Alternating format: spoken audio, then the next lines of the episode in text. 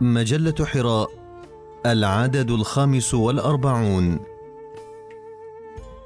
ألوان وظلال بقلم الأستاذ فتح الله جلن. يا قادما من بعيد.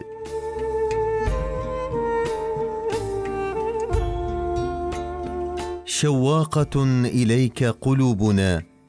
لهافة عليك أرواحنا سآلة عنك عيوننا. متى نطوي أزمان الانتظار؟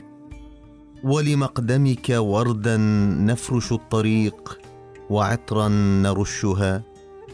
متى تبعث حياتنا من جديد؟